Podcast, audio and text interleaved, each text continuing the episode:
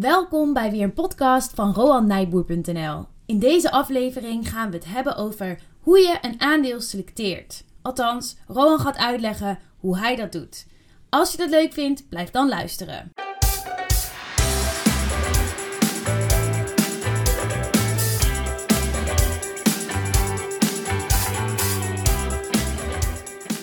Leuk dat je weer luistert. Vandaag is een extra speciale aflevering. En waarom? Omdat we het gaan hebben over Roans favoriete onderwerp. Namelijk aandelen selecteren. Gaaf. Ja, nou, ik had ons dit deze keer nog niet voorgesteld. Naast me staat Roan. Hallo. En ik ben natuurlijk Barbara. En we kunnen niet wachten, want deze keer gaan we het hebben over dat wat Roans hart echt sneller laat kloppen. Namelijk hoe hij een aandeel selecteert.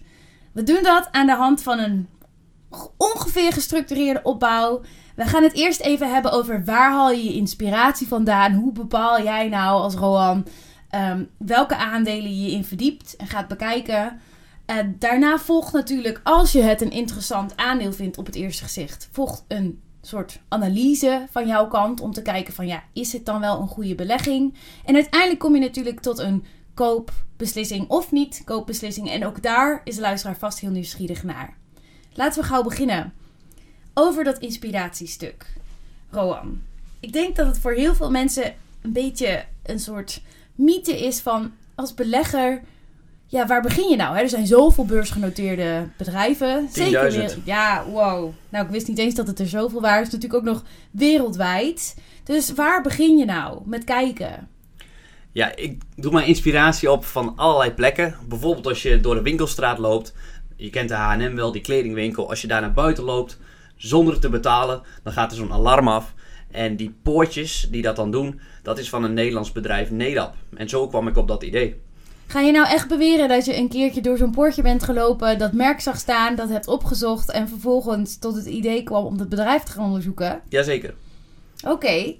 Um, waar haal je nog meer je inspiratie vandaan? Uh, uit krant bijvoorbeeld. Uh, of het volgen van het nieuws. Als bijvoorbeeld een bedrijf een schandaal meemaakt, waardoor de beurskoers heel erg daalt. Neem bijvoorbeeld Facebook in 2018, de beurskoers daalde flink.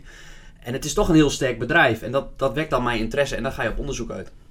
Ja, je zegt krant. Je hebt uh, onder andere een, een um, abonnement op het FD. Klopt. Is dat dan ook een bron van inspiratie voor je? Jazeker. Jazeker, daar staat ook regelmatig van dat soort schandalen in. En de kunst is dan inschatten, als er bijvoorbeeld negatief nieuws is, hoe erg is dat? Koop je dan alleen maar bedrijven waar een, een schandaal plaats heeft gevonden? Nee, maar daar komen vaak kansen naar voren. ja, oké, oké. en wat, uh, wat zou nog meer een manier zijn waarop jij uh, uh, geïnspireerd wordt tot het onderzoeken van een nieuw bedrijf? Ja, recent een voorbeeld van eigenlijk de producten of diensten waar je mee werkt. Ik weet dat jij een nieuwe website aan het bouwen bent met Wix. Ik ging opzoeken wat is dat. Het schijnt een Israëlisch beursgenoteerd bedrijf te zijn. Oké, ja, dat wist ik ook niet. En uh, ja, die hebben natuurlijk een, denk ik een hele sterke competitieve positie. Want als je eenmaal besluit om daar je website mee te gaan maken, dan blijf je dat doen. En jij betaalt er als het goed is een, een abonnement voor. En dat is wel een heel fijn businessmodel om in te beleggen. En dan ga je verder op onderzoek uit. Ah, dus jij dacht van nou eens kijken of ze dan, als ze daarmee werkt, ja, of ze ook echt een competitief voordeel hebben. Of ze, dat is natuurlijk meer jouw onderzoeksfase. Maar jij dacht van, hmm, misschien is het wel een interessant bedrijf en zijn ze toevallig beursgenoteerd. Dat is eigenlijk de eerste stap. Klopt, ja. Gaaf. Nu heb ik je ook wel eens horen zeggen dat je ook wel echt heel goed kijkt naar de andere goeroes uh, in de wereld op het gebied van beleggen. Klopt. Uh, ik heb een aantal goeroes die ik heel goed volg. En je, die moeten elke maand of elk, sorry, elk kwartaal openbaar maken welke posities ze hebben, welke aandelen ze kopen. En dat kan soms een hele mooie vijver zijn om uh, ja, ideeën eigenlijk op te vissen. En dat kun je op een website gewoon vinden die dat structureert dataroma.com. Daar staan van eigenlijk alle goede beleggers de portefeuilles. En dat geeft soms zoveel inspiratie, want soms doen hele teams onderzoek. En ja, ik kan daar dan op mee profiteren door die ideeën. En ik ga natuurlijk wel zelf mijn onderzoek doen, want als je dat niet doet, dan ben je denk ik geen goede belegger. En wie is dan een, een beleggingsgoeroe waar jij je regelmatig door laat inspireren? Nou, ik heb Monish uh, Pabrai, dat is een uh, Amerikaanse Indiër, heel hoog zitten. Kai Spier vind ik een geweldenaar. David Einhorn vind ik ook geweldig, ondanks dat de rendementen de laatste jaren wat minder zijn. Maar die, die mensen doen echt onderzoek. En die hebben zo'n manier van beleggen met een kijk op de lange termijn. Dat het gewoon eh, gigantisch goede beleggers zijn. Ja, er valt mij iets op in dit rijtje. En dat is namelijk dat jouw grote held Warren Buffett niet genoemd werd zojuist. Die ben ik zeker niet vergeten, want die, eh, die zit altijd bovenop eh, in mijn ziel eigenlijk. Want hij is mijn grote held. Vorig jaar naar Omaha geweest. 2018, de geweldigste dag van mijn leven om hem eh, te ontmoeten. Ehm, maar ook hij, hij heeft alleen het nadeel dat hij zo groot is dat hij niet meer in, eigenlijk in kleine bedrijven kan beleggen. En bij die kleine bedrijven, daar zitten juist soms de, de, parels tussen. Ja, nou weet ik, je hebt me wel eens verteld. ehm, de kans dat je daar nog een mooie parel en, vindt. En daarmee bedoel jij dat een bedrijf echt nog een, een heel hoog rendement kan halen. Hè? Ja, dat hij eh, echt over, over meerdere jaren, eigenlijk in, de- in vier, vijf jaar kan verdubbelen. Ja, precies. En, Of, of meer eigenlijk, want dat is eigenlijk de minimale eis. en omdat hij zo groot is en daarmee allerlei wet en regelgeving om hem heen heeft, of om zijn bedrijf eigenlijk, is dat voor hem moeilijker om sommige van die te kopen. Ja, hij kan eigenlijk nog alleen in bedrijven beleggen die eigenlijk groter dan 10 miljard zijn. En dat, eh, ja, ja Oh ja, dat eh, limiteert de keuze wel, denk ik. precies. Zijn er nog meer manieren waarop je je laat inspireren? Nou, wat ik ook soms doe, is gewoon alle Nederlandse beursgenoteerde bedrijven bekijken. Eh, Dat kan op verschillende websites. En dan kijk ik, kan ik eigenlijk in een kwartier zien of zo'n bedrijf eventueel geschikt is of niet. En hoe zie je dat dan in een kwartier? Nou, je kan opzoeken het langjarig rendement op het eigen vermogen. En dat zegt eigenlijk iets over hoe rendabel een bedrijf is. En eigenlijk zegt er iets hoe sterk het bedrijf is. En als dat niet hoog genoeg is, dan eh, laat Dan ik het niet. zitten. Daar maak je eigenlijk al je eerste selectie op. En Ja. daar komen soms dus nog hele leuke parels uit. Zeker, maar een merendeel voldoet niet aan die rendementseisen. Dus dat helpt ook, dat scheelt tijd, daar hoef je niet naar te kijken. En die andere, daar ga je verder in duiken. En slechts een enkeling van die geschikte, mogelijk geschikte bedrijven, die koop je daadwerkelijk. Want ik noemde net ook allemaal eh, verschillende bedrijven. En dan lijkt het misschien zo, ja, die koop je dan ook gelijk. Eh, maar dat is bijna nooit zo. 1 op de 100 keer dat zo'n aankoop doorgaat. Ja, dus jij kijkt ze, je verdiept je erin. En soms haak je denk ik na een paar minuten van verdieping al af. Maar misschien ook na een uur van verdieping denk je nee, dit is het toch niet. Klopt, klopt. Maar dan heb je ook iets om het mee te vergelijken. Want hoe weet je nou in die verdieping of het een interessant bedrijf is? Omdat je dan eh, bedrijven, eigenlijk koop ik ze nooit gelijk. Ik volg ze altijd eerst een hele periode. En daardoor leer ik verschillende bedrijven kennen, ook in die sector. En dan kan je zien, hey, is dit het beste jongetje van de klas? En hoe doet hij het nu en hoe gaat hij het in de toekomst doen? Ja, dus jij zit eigenlijk een klein beetje als een echte nerd. eh, zit je die koers te volgen en die informatie over die bedrijven elke dag? Ja, dat moet je niet doorvertellen, Barbara, maar ik, ik ben echt een nerd. Nou, elke dag, elke week, elke maand? Hoe vaak doorloop je dit proces? Nou, ik heb een standaard watchlist, heet dat dan, van eigenlijk 100 bedrijven die mogelijk geschikt zijn om te kopen. En elk kwartaal komen die eigenlijk met kwartaalcijfers. En dan ga ik dat bestuderen. En als er dan iets bijzonders gebeurt, bijvoorbeeld een heel sterk bedrijf raakt verwikkeld in een tijdelijk probleem, ja, dan is dat een mooie kans. En dan kun je dan in één keer toeslaan. En omdat je dan je huiswerk hebt gedaan in het verleden en je volgt het bedrijf, dan krijg je een gevoel bij en dan kun je gelijk toeslaan. Ja, dus als je onze Facebook-podcast luistert, dan, eh, dan hoor je, dan hoor je zo'n voorbeeld, toch? Ja, welke bedoel je? Ja, die komt misschien online na deze, hè? Oh, die komt nog wel aan deze online. Ja, gaan we even, houden we nog even spannend. Ah. Maar ze laten in elk geval niet lang eh, op elkaar wachten. Voor de, de vaste luisteraar weet het waarschijnlijk. Oké, tot slot. Wat is een leuk voorbeeld dat je hebt van waar jij een keer inspiratie hebt gevonden voor een aandeel? Ja, een leuk voorbeeld is misschien een eh, Britse autoverzekeraar. Admiral Group heet ze, Admiral Group. Die hebben eigenlijk de laagste kosten. En dat vind ik eigenlijk een voordeel als een bedrijf de laagste kosten heeft. Zeker bij een verzekering waar mensen toch naar de prijs kijken. Je vult misschien wel een prijsvergelijk in. Degene die de laagste kosten heeft, kan de goedkoopste verzekering aanbieden. En ik, ik las over ze in een boek. Want wat deden ze? Bijna elke verzekeraar in, eh, in de UK in het Verenigd Koninkrijk, die zet zijn hoofdkantoor in Londen neer.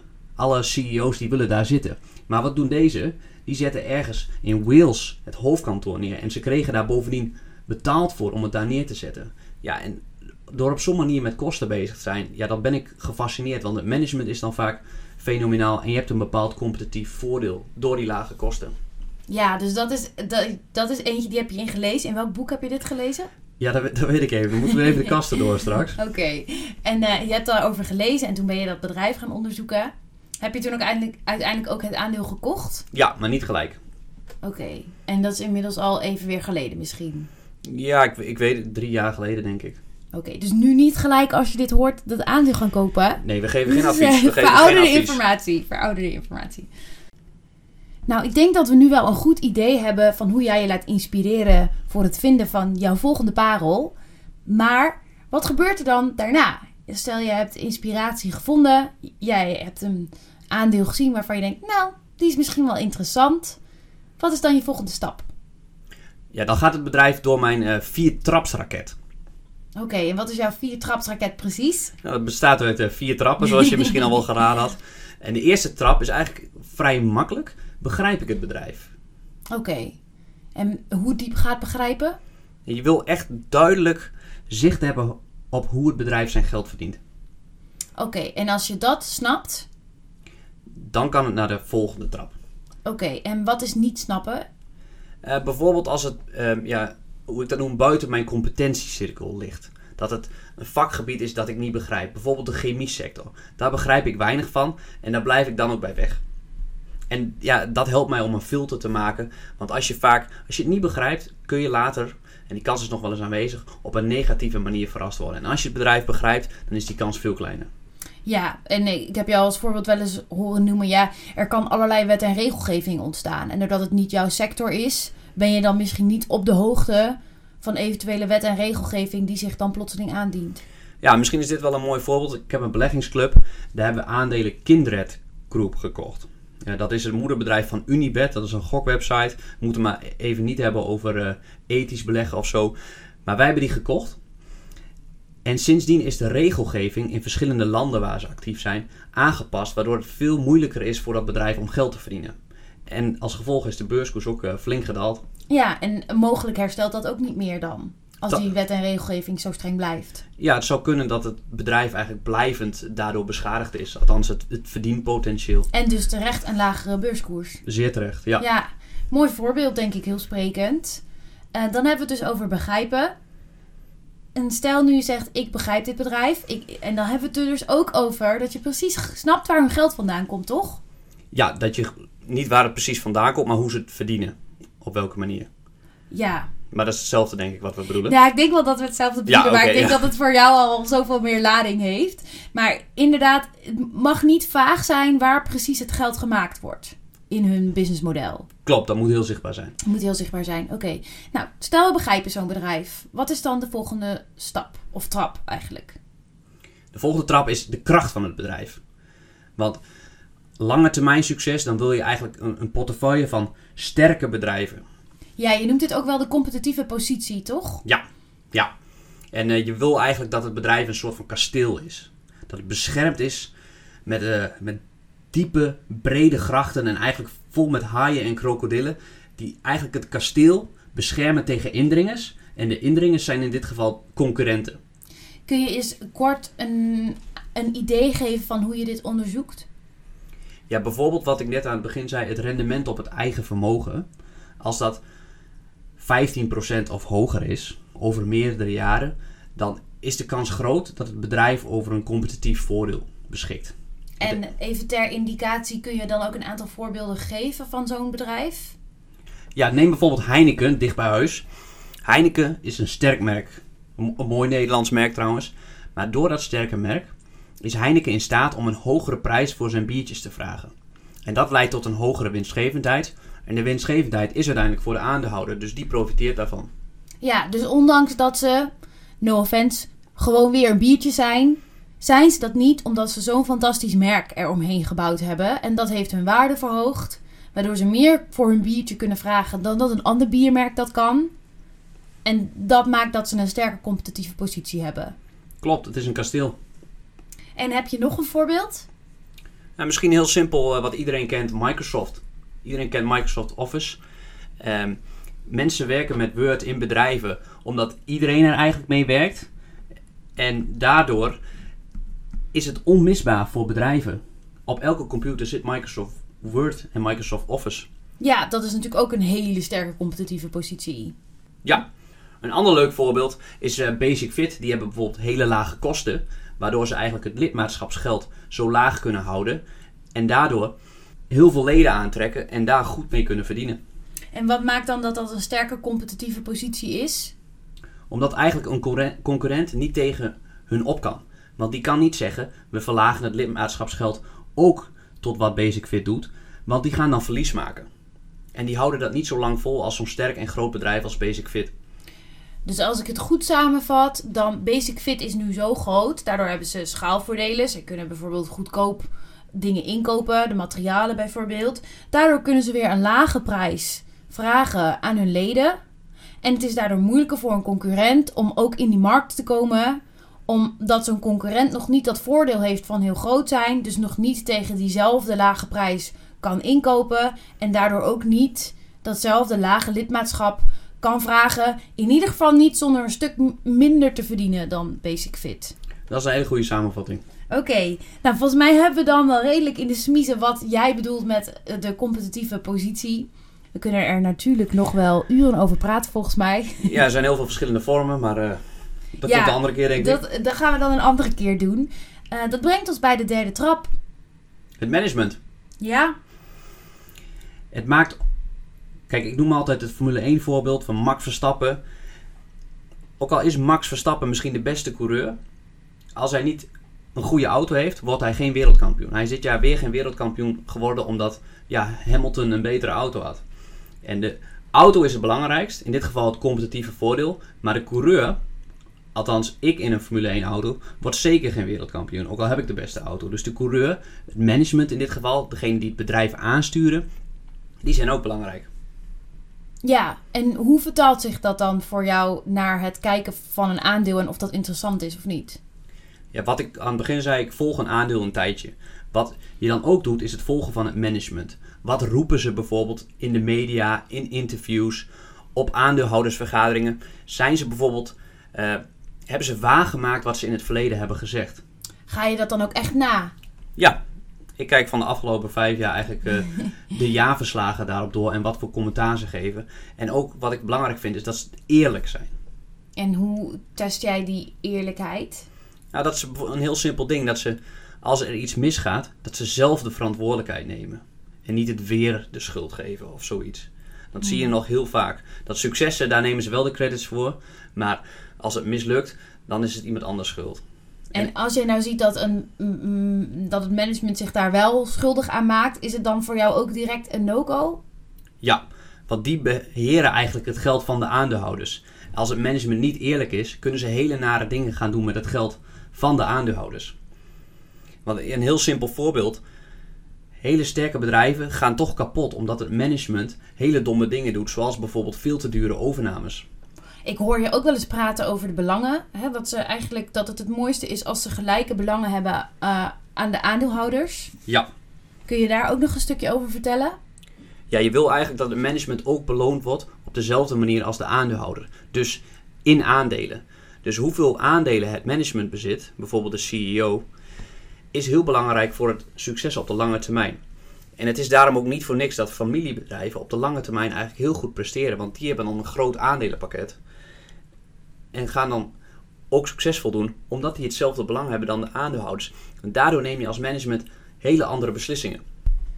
Ja, dus om het even samen te vatten, het management is ongelooflijk belangrijk, want zij zijn uiteindelijk degene die bepalen waar jouw geld heen gaat als jij als aandeelhouder in het bedrijf investeert waar zij het management van zijn. Dus het is echt ongelooflijk belangrijk om daar goed naar te kijken. Klopt. Maar goed, ik scheem het al door je verhaal heen, het is ook lastig. Dus hoe kun je dat nou concreet doen als belegger? Ja, het is heel lastig, want je staat op een afstandje, dus hoe beoordeel je dat nou? Nou, er zijn ook shortcuts. Je kan bijvoorbeeld op uh, trivano.com zien hoeveel aandelen het Nederlandse management heeft in een bedrijf. En dan een, een negatief voorbeeld, misschien een keer leuk om iets negatiefs te noemen. Het bedrijf Boskalis, de baggeraar, uh, een van de grootste Nederlandse beursgenoteerde bedrijven. Daar heeft de CEO eigenlijk nooit aandelen in het bedrijf gehad. Pas sinds kort heeft hij aandelen gekocht, maar de afgelopen jaren had hij geen aandelen en die beurskoers is ook flink gedaald. Ja, dus jij zegt dan eigenlijk, ja, dat is gewoon een signaal dat hij zelf eh, geen vertrouwen laat zien op die manier in, zijn, in het bedrijf waar hij gewoon de aansturing van verzorgt. En ja, hij zit er bovenop. Hij weet precies wat er wel of niet gebeurt. Ja, dat vind ik wel. Dus dat is, een, dat is in ieder geval een signaal. Ja, en een heel mooi signaal vind ik ook eh, Wereldhaven. Dat is een vastgoedbedrijf. Ook een negatief signaal. Die CEO, de baas, kocht geen aandelen in zijn eigen bedrijf, maar wel in een ander beursgenoteerd bedrijf. Ja, dus je weet dat hij handelt. Je weet dat hij actief is op de beurs. Ja, hij heeft geld, dus Ja, geld over om mee te beleggen, maar niet in zijn eigen bedrijf. ja. En eh, beleggers in Wereldhaven die zijn niet blij. Dat kan ik je verzekeren. Is daar ook iets mee gebeurd dan met die beurskoers of dat niet? Ja, die beurskoers, eh, ik denk dat ze op 60 stonden een aantal jaar geleden en nu eh, in de 20. Wauw, Een dat is vastgoedbedrijf. enorm, enorm gekelderd. Ehm, zijn er nog meer dingen die je over het management kan delen met de luisteraar? Nou, Nederlandse, je kan het, het aandelenpakket van Nederlandse managers zien op trivano.com. Voor Engelse en Amerikaanse bedrijven, gurufocus.com is een hele mooie website waar je gelijk kan zien hoeveel aandelen het management heeft en of ze recent gekocht hebben. Want dat is een heel sterk signaal. Ja, dat laat natuurlijk heel veel vertrouwen zien als er net aandelen bijgekocht zijn door het management. Ja, neem bijvoorbeeld de, de baas van eh, Michael Kors. Het bedrijf, het moederbedrijf heet Capri Holding, is ook eigenaar van Versace en Jimmy Choo. Misschien ken je die merken wel. Die- Ja, ik als vrouw ken die merken wel, maar dat jij als man met die merken op de proppen komt, dat is toch wel enigszins zorgwekkend. Ja, nou, die beurskoers is eigenlijk het afgelopen jaar Haal je eigenlijk... even een handje door je haar terwijl je dat, eh, terwijl je dat zegt. Ja, ja, een beetje bijpoederen en zo, dat soort dingen.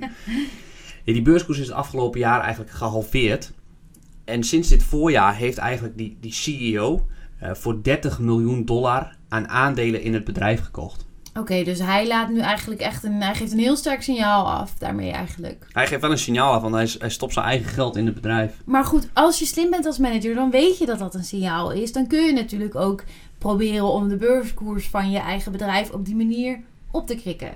Ja, dus het is altijd de vraag, doet hij dat voor, voor de show? Of doet hij dat omdat hij echt gelooft in het bedrijf en dat het echt weer gaat groeien? Ja, dus er zijn trucjes om het management te beoordelen, maar het blijft ook gewoon lastig om het volledige beeld helemaal te kennen. Ja, want soms zie je een aankoop van een CEO van 100.000 euro aan aandelen in een bedrijf. Ik weet niet precies voorbeeld, maar volgens mij was dat een keer bij ING. Om een goed signaal af te geven. Kijk, ik koop aandelen, maar 100.000 euro op een jaarsalaris van meer dan een miljoen. Ja, dat tikt niet aan. En nee, nou ja, ik vind het alsnog een, een heel, heel hoog bedrag. Maar jij zegt van ja, voor beleggersstandaard is dat niet een heel sterk signaal. Vaak in Amerikaanse bedrijven dan is de manager verplicht om vijf keer zijn jaarsalaris aan aandelen op te bouwen. Over de jaren heen. Ja, Wauw, dat is, maar dat is een gigantisch bedrag. ja en dat eh, hebben ze dus even de tijd voor, maar dat moeten ze misschien ook voor lenen om dat te doen. Maar daar, dan zie je die commitment en dan gaan ze ook doen wat de aandeelhouders eigenlijk willen. Dat is eigenlijk een soort van herinvesteren. Klopt? Ja, normaal zou je dat doen als het je eigen bedrijf was. Zou je zeggen, nou, een deel doe ik niet als salaris, stop ik weer in mijn bedrijf als investering. En zij zeggen eigenlijk, we verwachten van jou dat je via aandelen investeert in je eigen bedrijf. Ja, is eigenlijk gewoon ondernemen. Ja, mooi. Ehm, dan hebben we nog één trap over. Ja. Misschien een hele leuke. De waardering. ja. Ja. En als je die eerste drie trappen hebt voldaan, je begrijpt het, het is een sterk bedrijf met goed management, dan kan het nog steeds een hele slechte belegging zijn als je te veel betaalt. Ja. Maar hoe weet je nou of je te veel betaalt? Dat, dat, is de, dat is de grote hamvraag. Want de waardering kun je bijvoorbeeld zien aan de koers-winstverhouding. Hoeveel keer je de winst bepaalt, betaalt. En hoe hoger de koers-winstverhouding, hoe hoger eigenlijk de verwachtingen voor de toekomst zijn. Dus bij een sterk bedrijf die hard kan groeien, hoort een hogere koers-winstverhouding. Waar kijk jij nou naar als je een aandeel selecteert? Nou, een voorbeeld zoals Facebook, misschien kan ik die weer doen. Het gemiddelde koers-winstverhouding in de markt is 15. Nou, Facebook die zat op 15 afgelopen december. Terwijl Facebook zijn omzet nog steeds met 30% per jaar groeit. En ik denk zijn winst ook de komende tijd. En dan is dat op dat moment echt een koopje. Omdat het zo hard groeit en toch dezelfde waardering krijgt als alle andere bedrijven die veel minder hard groeien. En veel minder sterk zijn. Ja.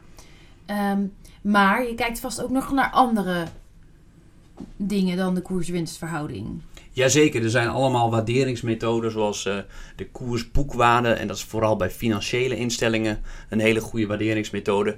En eigenlijk de beste is omdat de koers-winstverhouding houdt geen rekening met de schulden die het bedrijf heeft. Om te kijken naar de ja, enterprise value EBIT ratio. Maar dan ga ik denk ik veel te ver. Ja, maar zelf kijk je daar wel naar. Jij kijkt wel verder dan de koers-winstverhouding bij het selecteren. Ja, want de koers-winstverhouding kent beperkingen. Net als elke waarderingsmethode eigenlijk beperkingen kent. Maar die is, die is het meest recht toe recht aan. En kan heel goed zijn voor de beginner. Dus misschien goed om te noemen dat jij de jaarverslagen leest. En daar zit natuurlijk ook een heel groot deel van cijfers in. Ja. En die neem je dan ook allemaal door, denk ik. Ja, zeker. En ik, ik snap ook dat lang niet iedereen dat gaat doen, want het kost veel tijd. En ik, het is mijn passie. Ik, ga, ik doe het voor de lol. En je hebt erin gestudeerd, dus het begrip is er misschien ook iets meer als je zo'n jaarverslag doorleest. Ja, ja. Ja, zo had ik het nog niet gezien, maar dat klopt. Ja, nou ja, ik denk dat voor heel veel mensen, zeker omdat veel jaarverslagen ook nog eens in het Engels zijn, tenminste als je een internationaal bedrijf hebt, uh, ja, dat is gewoon een uitdaging. staat vol met moeilijke woorden en, en, en Engelse woorden, vakjargon. Klopt, het is wat dat betreft een, een extra taal. Ja, Uh, ja. Accounting, uh, de, Ja. het jaarverslag. Ja, zeker, ja. Maar er zijn wel allerlei websites om eh, shortcuts, zodat je niet per se het jaarverslag in hoeft. Maar toch op, eh, ik, ik noem een website als eh, Seeking Alpha, waar je heel mooi terecht kan, mooi overzicht hebt over bedrijven. Goed, we weten nu hoe jij laat inspireren. We weten dat je daarna de viertrapsraket toepast. Hè, dus ehm, begrijpen, competitieve positie, management en de financiële waardering. Dan komt daar uiteindelijk, en misschien ben je halverwege afgehaakt als het bedrijf niet voldeed. Want dat is wat je dan doet, denk ik. Klopt, ja, dat komt vaak voor. Ja, eh, maar stel je bent dit helemaal doorlopen, je hebt al deze stappen ben je doorlopen, dan lijkt het er dus op dat het een, een koop is. Dat, dat kan dat die kans is groot. En het is natuurlijk beleggen is de toekomst, dus het gaat ook wel eens mis. Ja, dus hoe kom je er nou toe? Weet je ooit zeker of je een aandeel wilt kopen? Nee, eigenlijk weet ik het nooit zeker. Ik ben daar altijd onzeker over. En dat klinkt heel, eh, heel slap misschien. Maar door continu eigenlijk te twijfelen aan mezelf, blijf ik zeg maar scherp. En dan blijf ik ook van een afstandje er naar kijken. Want als je ervan overtuigd bent, dat, dat maakt me blind. Kijk, ik ben super overtuigd van jou en dat ik je leuk vind. En misschien eh, maakt dat me ook blind. Maar ik dwaal af. Maar bij bedrijven denk ik dat het goed is om te twijfelen. Ik, ik, en ik geloof in mijn visie, in mijn filosofie. Maar ik twijfel wel aan mijn keuzes qua individuele aandelen. En dat is zodat je ze eigenlijk continu blijft herzien. En dat je er niet verliefd op wordt. Ja, en dat je dan alles goed gaat praten. eh, wat je langs ziet komen onder het motto: ja, ah, klein deukje kan wel. Want we zijn allemaal mensen en dan, dan, ma- dan maak je, ik maak ook psychologische fouten daarin. En de grootste vijand van het beleggen, de grootste vijand van, ben ik zelf. Eh, kun je dat misschien nog toelichten? Ja, de grootste kans dat beleggingsresultaten negatief zullen zijn, is doordat je jezelf in de weg zit door allerlei psychologische valkuilen die er insluipen.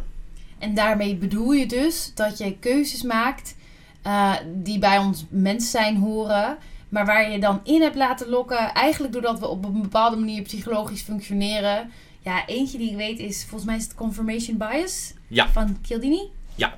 Dus dat als je eenmaal bijvoorbeeld op beleggen een aandeel hebt gekocht, dat je dan alleen maar het goede nieuws wil lezen over dat bedrijf en slecht nieuws eigenlijk negeert. Ja, en het schijnt zelfs ook zo te zijn dat je hersenen ook nog wel selectief. Hè, ze krijgt miljoenen prikkels, volgens mij echt per minuut zelfs. Hè, dat ze gewoon eruit filteren, dat wat jij wilt. eh, Klopt, dit vind jij een leuk onderwerp, hè? Ja, dit vind ik leuk onder. Nou, goed, volgens mij weten we voor nu genoeg. Is er iets wat je nog heel graag mee wilt geven? Nou ja, dat eh, misschien een, een no-go voor mij is bijvoorbeeld een bedrijf dat te veel schulden heeft. Ja. Oké. Bedankt. Ja, Nou, ja, dan weten ja. jullie dat. Let daar goed op. Dat vindt hij een groot waarschuwingsteken. nou, dat was het voor Ja. nu. Ja, Ja. Nou, tot de volgende keer. mooie afsluiter. Bedankt voor het luisteren doei doei. en tot de volgende keer.